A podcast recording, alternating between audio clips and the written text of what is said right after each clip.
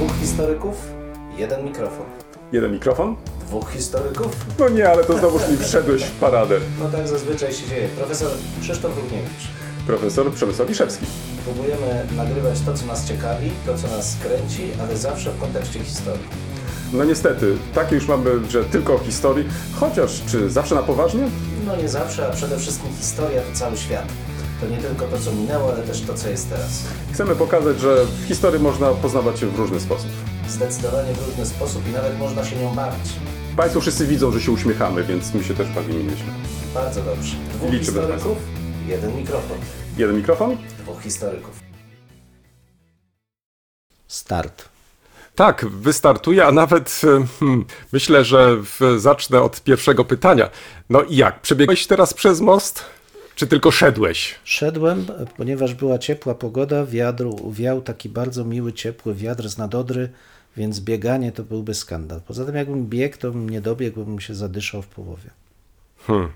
No i co? I obejrzałeś sobie tego krasnala? Bardzo ładny krasnal, O, aż się zdziwiłem i Widzisz. pomyślałem sobie, że rzeczywiście z jednej strony to taki trochę żart, no bo już tak piszących piórem wielu nie ma, choć moja żona pisze. Przypomnijmy, tak? Kałamarz i pióro. Tak, kałamarz i pióro i właśnie moja żona dzierga stalówką bardzo ładnie, a ja to jednak w klawiaturę, więc dalej podtrzymuję, że z jednej strony fajna metafora, a z drugiej strony brakuje klawiatury. W tym momencie tak naprawdę to powinniśmy przerwać nasze, naszą rozmowę. Pewnie się zastanawiasz, dlaczego, wszyscy się też zastanawiają, dlaczego. Ponieważ powinniśmy podejść do tego takiego wirtualnego barku, wyciągnąć tam, nie wiem, jakieś takie szklanice, otworzyć szampana. Dlaczego? Coraz więcej osób nas słucha O! i komentuje. O. E, Zaraz y, o tym słuchaniu i komentowaniu. Wyobraź sobie, e, najnowsze dane. 5200 odsłuchów. Przekroczyliśmy. Powinniśmy krzyknąć za panem premierem: Yes, yes, yes. Ale są też i komentarze. Ale tutaj widzę pewną różnicę. Komentują nas kobiety. No proszę, to taki, Masz jakiś pomysł, masz jakąś interpretację? Ten ciepły, wzmacniający głos mojego kolegi na pewno tutaj działa. E, e, No i proszę, i tak należy e, Tak, profesora i- delikatnie tak. wpędzić Ale wiesz co, ale nawet się czerwony zrobiłem przez chwilę, ale ja przeczytam te komentarze, bo y, po części jest to, hmm, hmm, kto wie, czy nie masz racji. Jest mowa tutaj o aktywności w internecie historyków imponuje. I tu my jesteśmy, słuchaj, nawet wymienieni z imienia i nazwiska. Nie będę dalej czytać, bo zrobię się jeszcze bardziej czerwony. Ale mamy jeszcze inny komentarz i ten pozwolę sobie przeczytać jednak w całości. Osobiście bardzo mi się podoba pomysł rozmów, tak jak to robi duet Krzysztof Ruchniewicz, Przemysław Wiszewski. Może dlatego, że trudno przewidzieć przebieg takiej audycji. Zaskakują. Może w tym tkwi przepis na sukces. No nie wiem, czy na No sukces. popatrz, popatrz, o widzisz, ty też się zachrz- zachrząknąłeś. No. Zachrząknąłem, bo znając ten wpis, wyobrażałem sobie ten sukces i to jest taki sukces, powiedziałbym, głęboko niszowy, ale napędzający naszą kreację. O, także dziękujemy za ten komentarz. Naprawdę jest to mm, taki, bym powiedział, z, z tych komentarzy, które napędzają nas. Tak jak powiedziałeś, słusznie napędzają. Nie chcę użyć innego określenia, ale może tak spróbuję wokół tego określenia, że jest to inspiracja, że jest to zawsze wyzwanie. Ale z tą nieprzewidywalnością No, ja uważam, jeszcze nie zdradzimy, o czym będziemy dzisiaj rozmawiać. Nie zdradzimy, prawda? bo to Nie, będzie nie, nie. nieprzewidywalne. Poza tym kolega zawsze mnie zaskakuje, bo przynosi coraz więcej książek i ja wtedy wpadam w depresję. Y, Jeszcze nie o książkach. Jeszcze tym razem nie o książkach, mianowicie zastanawiałem się, co powiemy mm, z okazji naszego 44 odcinka. 4-4. I mam taki pomysł, co o nim sądzisz? Y, Mianowicie, mm, i tu zwracam się też do Państwa, naszych, mm, naszych słuchaczek, do naszych słuchaczek i słuchaczy. Proszę Państwa, chcemy poprosić o e, zadanie czterech pytań. Kto chce zadać profesorowi Szewskiemu cztery pytania, to wysyła te cztery pytania do mnie. Kto z kolei chce zadać mnie te pytania, to wysyła do profesora Wiszewskiego. A to nie fair, bo ty dostaniesz może jedno, a ja będę spamu miał pełnie. Zaraz, zaraz. Nie, nie, nie, to nie tak. Z- to znaczy co, że ty chciałbyś mi więcej zadać pytań, No albo właśnie do mnie będzie więcej pytań? pewno Nie, więcej nie, wiesz co, pytań. ja w to nie wierzę. Dlatego zadanie do ciebie domowe, E, ponieważ e, nagrywamy teraz 42 odcinek, w związku z tym mm, musisz wymyśleć cztery pytania. Wiesz, takie, gdyby się okazało, że nikt nie przeszedł Cztery na pytanie. pytania dla mnie i wysłać je do ciebie. Nie, to znaczy ty, ty wymyślasz cztery pytania, które zawsze chciałeś mi zadać, e, a ja wymyślę też cztery pytania, które zawsze tobie chciałem zadać. Jeśli natomiast wpłyną pytania od naszych słuchaczy, to postaramy się je pomieszać, żeby Dobrze. to nie było tak jednostronnie. I wtedy z okazji 44 odcinka zadamy sobie nawzajem te cztery pytania. No to bardzo skomplikowane jest. No, ale I dobrze. będzie 44 wtedy razem. Tak, tak, tak, 44, no dobrze, ale to pytania muszą być takie cenzuralne, takie, Em, takie No nie, nie być, będziemy zadawać poniżej pasa. Takie muszą Prawda? być. Takie, Nie, nie, nie, nie. My jesteśmy kulturalni, my prowadzimy jesteśmy, spokojne tak. rozmowy. Em, Absolutnie. Cieszymy się tymi rozmowami, cieszymy się też, że jesteśmy tak e, już rozpoznawalni wręcz, mimo że niszowi. No ale cóż, ale no, no, pozwólmy się choć trochę pocieszyć, czy Ależ nie? No, proszę no, cię no, bardzo, to- tak, no. Ja uważam, że samym sukcesem jest, że cały czas nagrywamy, bo nie, chyba nie sądziliśmy na początku, że będziemy nagrywać. Mam nawet pomysł na 50 odcinek, ale, Dobrze, to, dobrze. ale to nie zdradzę. Już, te, Dobrze. je- już je- jeszcze teraz, y, jak pojawi się ten tak gdzieś tam w windokręgu, ten, ten 50 odcinek, to wtedy podzielę się moją nowiną. No dobrze, ale czyli rozumiem, że zgadzasz się na takie rozwiązanie. 42 odcinek będzie teraz, czyli za dwa odcinki, czyli za dwa tygodnie, proszę Państwa, tydzień czasu na przesyłanie pytań.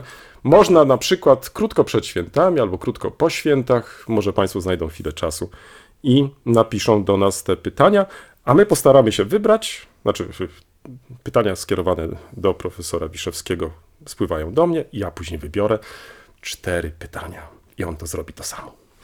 No dobrze, czyli zamykamy ten wątek. Zamykamy? Tak, drugi wątek.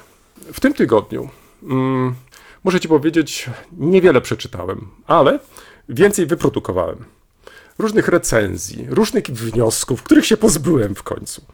Ale a propos tych e, opinii różnych, które musiałem wypisać. Mianowicie przygotowałem taką opinię z- w związku z postępowaniem konkursowym na stypendium Austriackiej Akademii Nauk. Zwróciła się do mnie ta e, akademia z prośbą, czy nie zechciałbym zrecenzować jednego wniosku, który do nich wpłynął.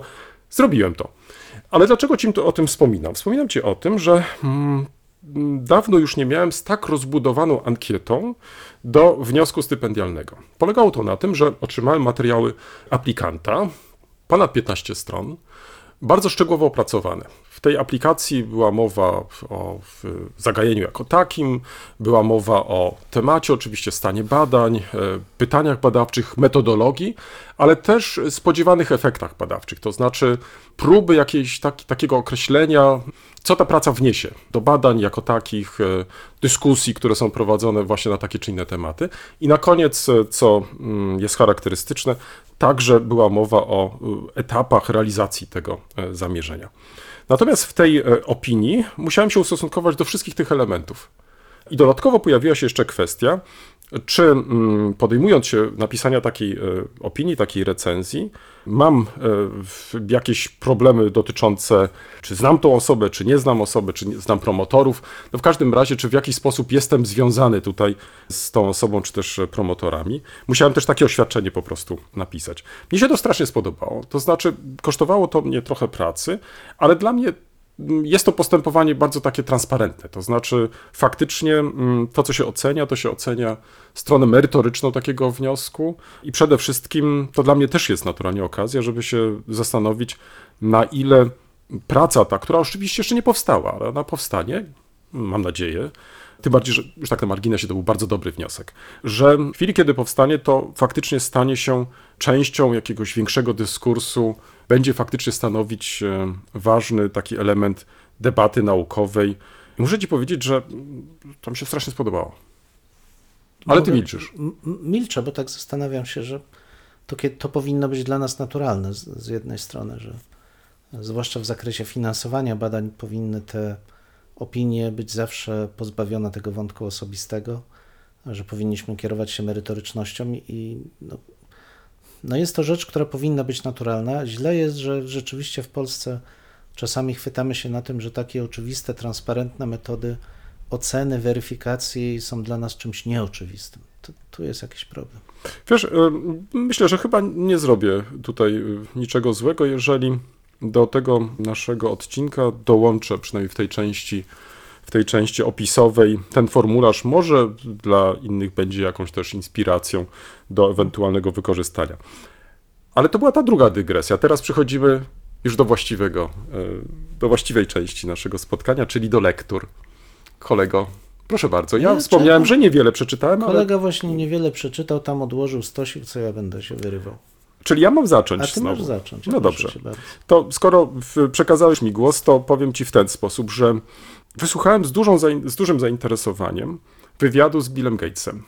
I to zainspirowało mnie do tego, żeby sięgnąć po jego książkę, która nie jest może mm, taką oczywistością, jeżeli chodzi o nas jako historyków, ale może warto czasami e, zastanowić się też nad tym, z, jakimi wyzwaniami dzisiaj mamy do czynienia i czy pewne problemy nie widzi się w przeszłości, taka, żeby móc je lepiej nie tylko dzisiaj rozpoznać, ale także i w przyszłości nie popełniać e, może takich właśnie błędów. Mianowicie ta jego książka Jak uchronić świat od katastrofy klimatycznej bardzo jasno pokazuje, że mm, problem klimatu staje się dla nas coraz bardziej palący i faktycznie nie powinniśmy go w jakiś sposób e, traktować e, na marginesie, tylko wręcz odwrotnie, poświęcać mu więcej uwagi.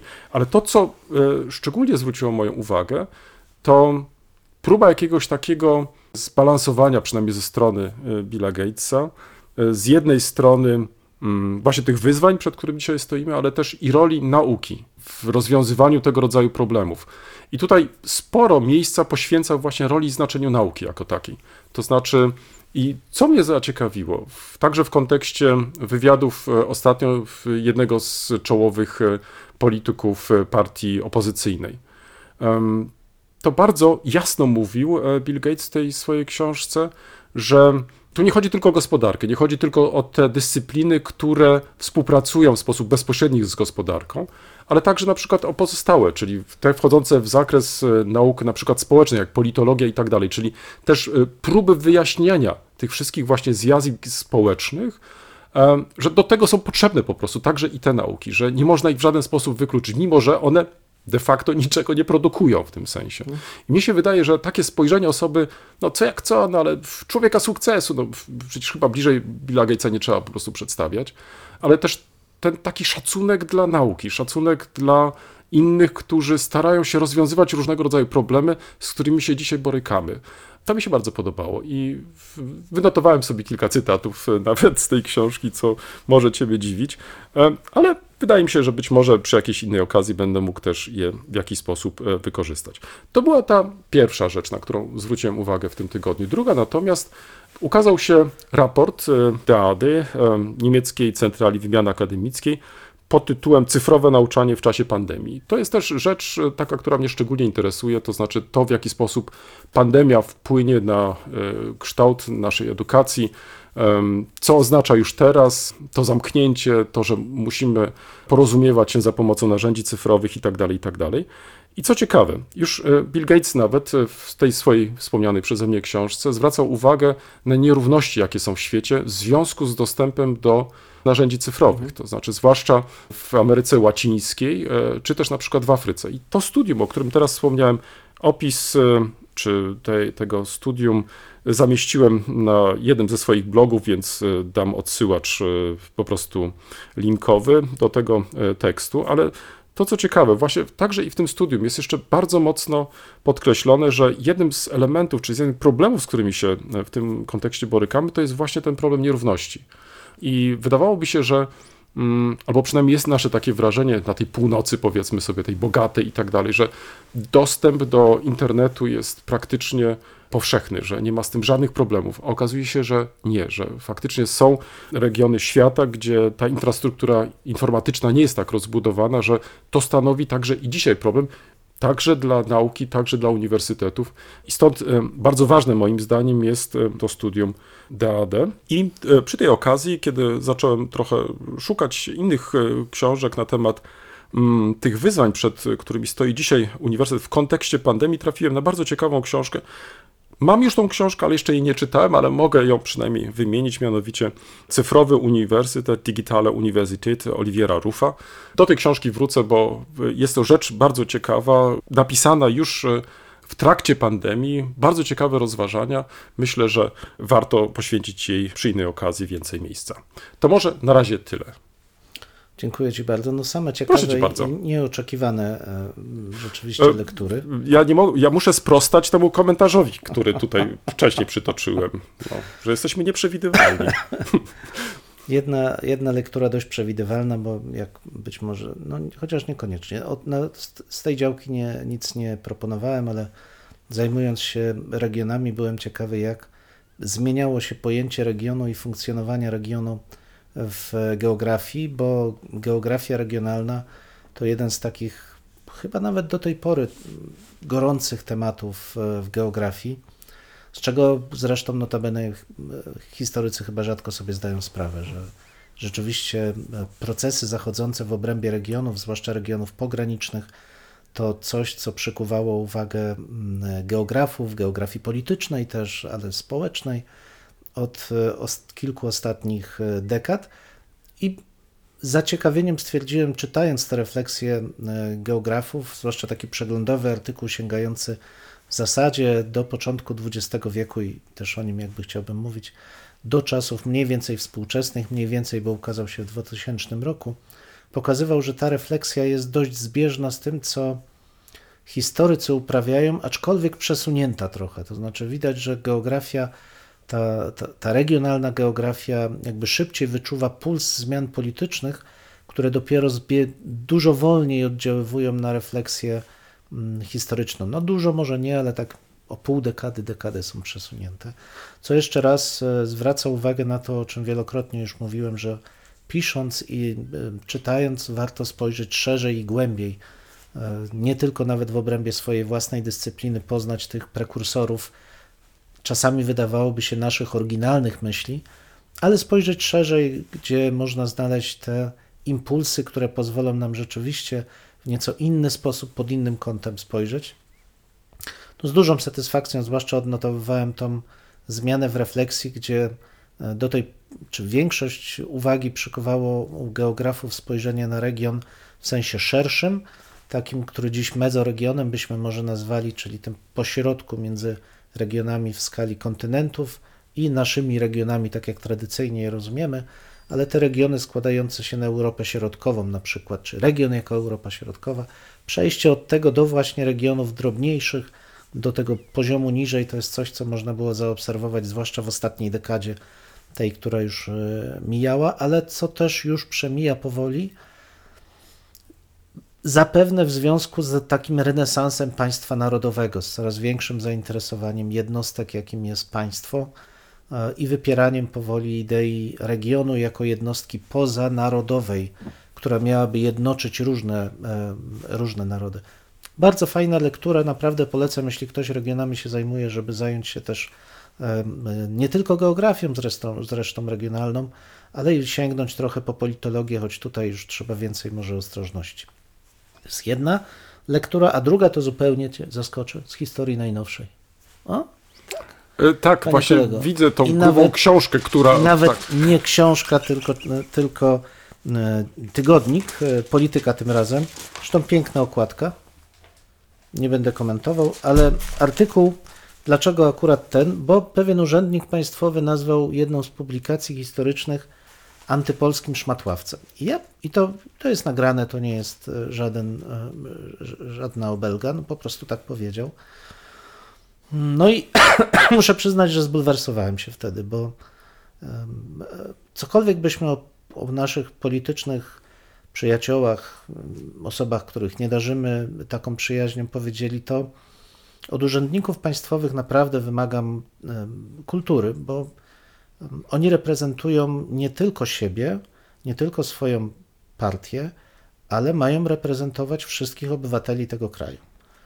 I wykorzystywanie autorytetu władzy, bo to był wywiad z ministrem, to nie był wywiad to z się panem, nazywa tylko z partyjność.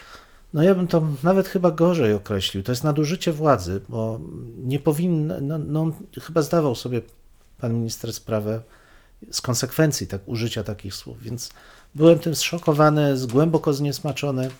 Tak jak zawsze napominam, że ministra piszemy z wielkiej litery, szanujemy, Jest to osoba, której cokolwiek byśmy nie powiedzieli, urzędnik państwowy. To ja piszę z małej. No, jak zwracam się, że ten minister pisze z wielkiej, bo to jednak minister jako Nie funkcja. no, zgoda. W porządku. Więc trochę przebrotnie wybrałem właśnie ten artykuł, żeby powiedzieć, który też mnie zaskoczył. Początek Wielkiej Nocy Joanny Podgórskiej w ostatniej e, polityce. Rzecz, o której w ogóle nie zdawałem sobie sprawy, że miała miejsce, to znaczy o pogromie ludności żydowskiej w e, Warszawie w 1940 roku, przeprowadzonym właśnie przed tytułową Wielką Nocą przez e, no, naszych współobywateli, obywateli polskich, współobywateli tych, których też bito wtedy w ciągu tych kilku dni, kiedy ten pogrom trwał. Nie jestem przekonany też, czy do końca słowo pogrom pasuje akurat do tych wydarzeń, ale na pewno były to zamieszki zwrócone wyraźnie przeciwko e, współobywatelom o żydowskim e, pochodzeniu. O, czy były inspirowane przez Niemców, tego jakby nie rozstrzygają badacze z tego, co zrozumiałem z e, artykułu w pani Podgórskiej, ale ostatnie zwłaszcza refleksja przykuła moją uwagę, mianowicie, że te zajścia kompletnie zostały zapomniane, ale także przez ofiary.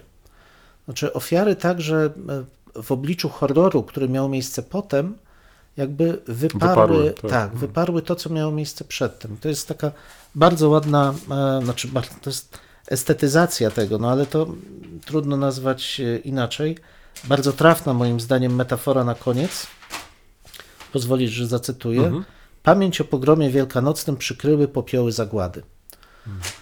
I to jest chyba też taki bardzo wyraźny sygnał, do czego, od czego są historycy. To znaczy, nawet jeżeli różne, bo zmieniające się przecież polityczne, kulturowe uwarunkowania sprawiają, że pewne tematy mogą być gorące, a pewne tematy mogą być uważane za takie, których lepiej nie tykać, a wreszcie niektóre takie, które są po prostu nudne no to jednak zadaniem historyków jest przechowywać pamięć, to znaczy taką, tworzyć taką bazę gotową do reakcji, kiedy ten temat rzeczywiście stanie się znowu społecznie gorący, żebyśmy mieli naprawdę ekspertów, żebyśmy mieli przygotowane opracowania, a nie tylko emocje. Tutaj do e, książek profesora Szaroty się odwołuje bardzo często e, pani Podgórska, Podgórska i, i wtedy widzimy kontekst do wspomnień, do opracowań że to nie jest coś, co na bazie jakiegoś odreagowania w backlashu w stosunku do bieżących tendencji politycznych, ale coś, co jest oparte rzeczywiście na badaniach naukowych. I tego bym oczekiwał od e, historyków. Też trochę tego bym oczekiwał od ministrów wypowiadających się publicznie, ale tu nie mam złudzeń po prostu. Ale tutaj poruszasz jeszcze inny problem, mianowicie jakie są tutaj te relacje między polityką a nauką, czy też w tym konkretnym przypadku polityką a historykami.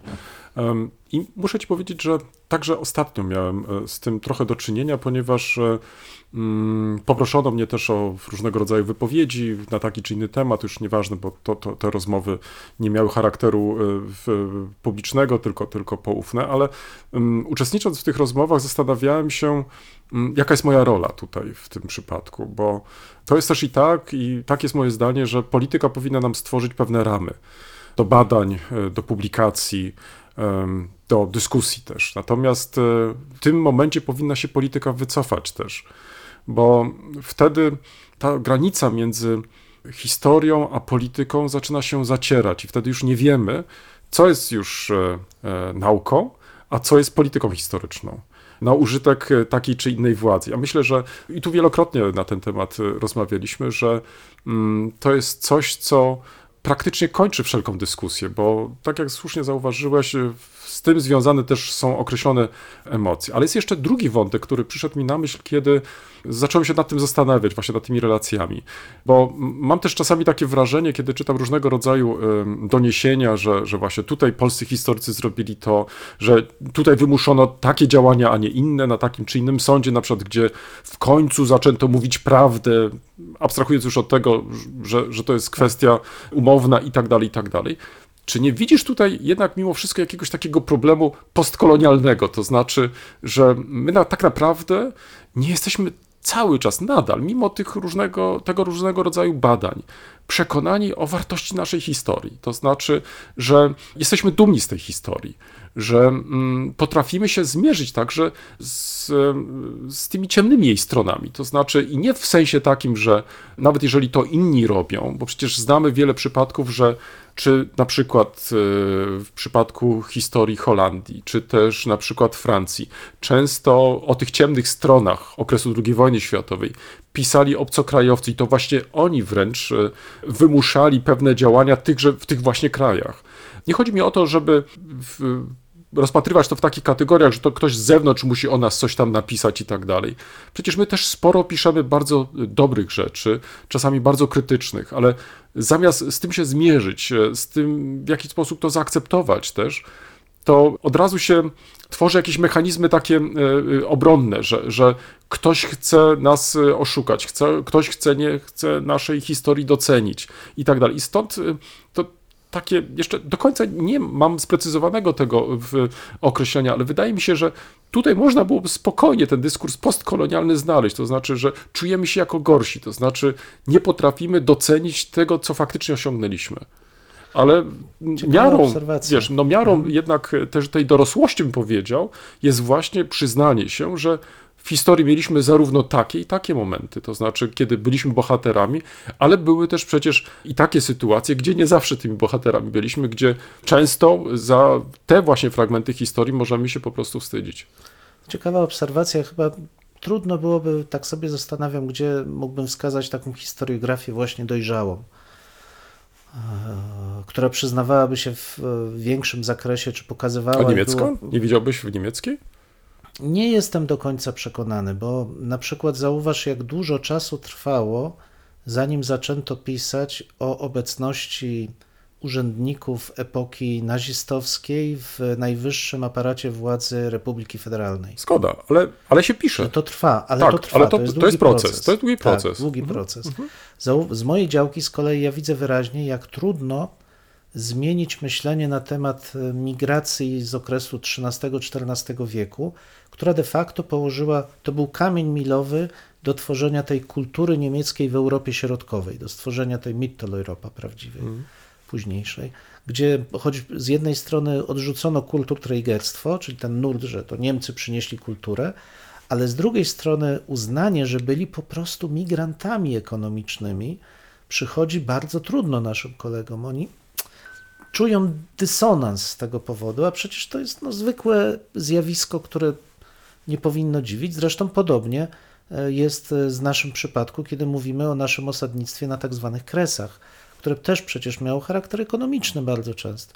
Więc powiedziałbym, że masz rację, że to jest coś, co można by uznać za taki dyskurs postkolonialny w tym sensie, że nie potrafimy uznać, że nasza przeszłość jest warta nie dlatego, że jest bez skazy i inni powinni ją podziwiać, To jest bardzo tak zróżnicowana. tak, tylko nasza przeszłość jest dlatego warta, że nas stworzyła. Że ze swoimi plusami i minusami stworzyła nas jako społeczeństwo. Więc albo jesteśmy zadowoleni z siebie jako społeczeństwa, więc i jesteśmy zadowoleni z historii, albo być może takie pisanie historii wskazuje wyraźnie, że nie jesteśmy zadowoleni z siebie. Mm. Ja myślę, że ta konstatacja jest tutaj jak najbardziej e, właściwa. Tutaj, co bym może jeszcze dodał, to jest kwestia mitologizacji jednak pewnych e, działań i tutaj w, w naszej profesji jest to oczywiście to też bardzo ważny problem, e, demilito, demitologizować różnego rodzaju e, problemy, fakty i tak dalej, co w takim oglądzie społecznym wcale nie musi być akceptowane. I mnie się wydaje, że naszą rolą jako historyków jest przede wszystkim em, starać się e, przekonywać do swoich argumentów, pokazywać e, złożoność historii, nawet jeżeli to ogółowi się nie będzie podobać. Natomiast politycy do końca tego nie rozumieją chyba. Ale wiesz, ja bym nie wymagał, za, przepraszam, jest to brutalnie powiem, nie wymagałbym za wiele od polityków, poza kulturą i otwartością jednak, bo polityk występuje w celu realizacji bardzo konkretnych celów. I e, to jego wyborcy powinni być racjonalni na tyle, żeby popierać tych polityków, którzy nie szkodzą społeczeństwu, E, Natomiast jeżeli ktoś decyduje się na bycie w, e, politykiem, no to on chce po prostu jakiś cel osiągnąć. Okej, możemy go obserwować, możemy głosować za czy przeciw, ale tu dotknąłeś ważnej cechy profesji naszej jako historyków. Powiedziałeś demitologizacja, a ja pomyślałem sobie, hmm, czy to nie trąci za bardzo przekonaniem, że powinniśmy y, wspierać każdą rewolucję, taką, która dąży do tego, żeby powiedzieć, że coś trzeba odsłonić, bo ja mam bardzo złe doświadczenia, patrząc na to, jak, jakie skutki mają takie poszukiwania tematów, które trzeba odbrązowić. Bo ich rezultatem jest radykalna zmiana narracji, ale nie dlatego, że dostrzegamy słabość wywodu, słabość konstrukcji metodologicznej, metanarracji, która za tym stoi, ale kieruje nami chęć, chęć koniecznie powiedzenia czegoś innego. Ja się tego bardzo boję, bo, w, bo to nie jest ten drive, który powinien towarzyszyć poszukiwaniu wiedzy. Wiedza powinna, w moim odczuciu, być tworzona właśnie z tego, co mamy w przysiędze doktorskiej, z szukania prawdy. To jest wystarczająco ciężkie. Natomiast w momencie, kiedy przypisujemy właśnie takie rewolucyjne cechy wiedzy, to zaczynamy się moim zdaniem niebezpiecznie ześlizgiwać w politykę. Czy widzimy cel, który jest celem innym niż ten immanentny No cel. tak, ale tu nauki. zakładasz chyba, myślę, że tu się, no, mo, mo- możemy polemizować, bo tutaj zakładasz pewną statyczność badań jednak mimo wszystko. Znaczy, że my tworzymy pewien jakiś taki kręgosłup i, i do tego się odwołujemy. Natomiast mi się wydaje, że to byłoby zbyt proste chyba, to znaczy, bo jeżeli założymy, że każda generacja pisze na nowo historię, albo inaczej, że na nowo zadaje pytania do tych samych rzeczy, no to nie zawsze mamy do czynienia z potwierdzeniem tego statycznego obrazu. I, I dzięki temu my się możemy rozwijać. Ale absolutnie Tak? tak, w pełni się zgadzam. Mi tylko chodzi o to, żeby, bo, bo to jest jakby naturalne. Mhm. W innym świecie, w innym otoczeniu kulturowym widzimy inne perspektywy, też to, o czym wspominałem, kontaktując się z innymi dyscyplinami, dziedzinami, nagle widzimy inne możliwości. Fakt, że archeologia może w tej chwili korzystać z bardzo zaawansowanych technik analizy pierwiastków, które pozwalają nam właśnie mówić o jedzeniu, to o czym wspomniałem w poprzednim naszym odcinku. Fakt, że historycy mogą korzystać już nie tylko z map, ale mogą zlecać wykonanie też chociażby przeprowadzenia analizy topograficznej archeologom, analizy topograficznej też z perspektywy lotniczej, mogą określać osadnictwo, no cuda można zrobić w tej chwili, powoduje, że możemy zupełnie inaczej pisać tą historię i widzieć tą historię. I to jest absolutnie tak. Tylko inny jest cel. Inny jest cel w momencie, kiedy przychodzi ktoś i mówi: Ja muszę dokonać rewolucji, więc na pewno moi poprzednicy wszystko napisali źle, a inny wtedy, kiedy przychodzę i mówię: OK, mam nowe narzędzia, czy to, co zostało powiedziane, nie powinno zostać przeanalizowane i może jednak coś innego trzeba powiedzieć. Ja myślę, że to są różne spojrzenia. Nie wykluczam żadnego, bo przecież dzięki temu, że czasami pojawiają się takie ostre stwierdzenia, zaczynamy sami myśleć, niejako reagując naprzeciw temu, że nie, może jednak niekoniecznie, ale możemy przemyśleć to, powiedzieć raz jeszcze. Historia to jest niekończąca się opowieść, ale zawsze racjonalna. Dlaczego zwróciłem uwagę na tą historiografię niemiecką? Ponieważ e, myślę, że to chyba już wybrzmiało podczas e, naszej rozmowy, że mm, tam mamy przede wszystkim do czynienia z tym elementem procesualności. Rzadko się zdarza faktycznie, żeby mm, wszystko wywracano, wywracano do góry nogami. No może to się dzieje w momentach z różnego rodzaju zwrotów politycznych, historycznych i tak dalej, gdzie jedna historiografia odchodzi, druga przychodzi i musi powstać coś nowego, ale to się faktycznie rzadko zdarza. Natomiast e, złą rzeczą jest, i tutaj się całkowicie z Tobą zgadzam, że nawiązanie do pewnych tradycji jest tutaj po prostu konieczne, że bardzo łatwo jest czasami przerwać e, może te tradycje, uważając, że teraz się coś nowego robi. Ale tak naprawdę, jeżeli się przyjrzymy temu, co tak naprawdę powstaje, to to nie są wcale rzeczy nowe. To znaczy, one już były, tylko właśnie, tak jak wspomniałeś, e, dzisiaj mamy całkiem inne narzędzia, za pomocą których możemy to badać, możemy stawiać e, na nowo pytania, ale czy efekty będą lepsze? No trudno powiedzieć, ale na pewno ta świadomość, że mamy do czegoś nawiązać i powinniśmy nawiązywać, powinna być tutaj jak najbardziej ogólna. Oczywiście, no to, to, to chyba nas łączy, że widzimy historię jako dynamiczną naukę, która ma reagować proces, na przemiany tak. kulturowe, tak. Że nie jest to coś, co zostało napisane nie tylko raz na zawsze, ale że opowieści, które snujemy, powinny być skierowane do naszych odbiorców tu i teraz.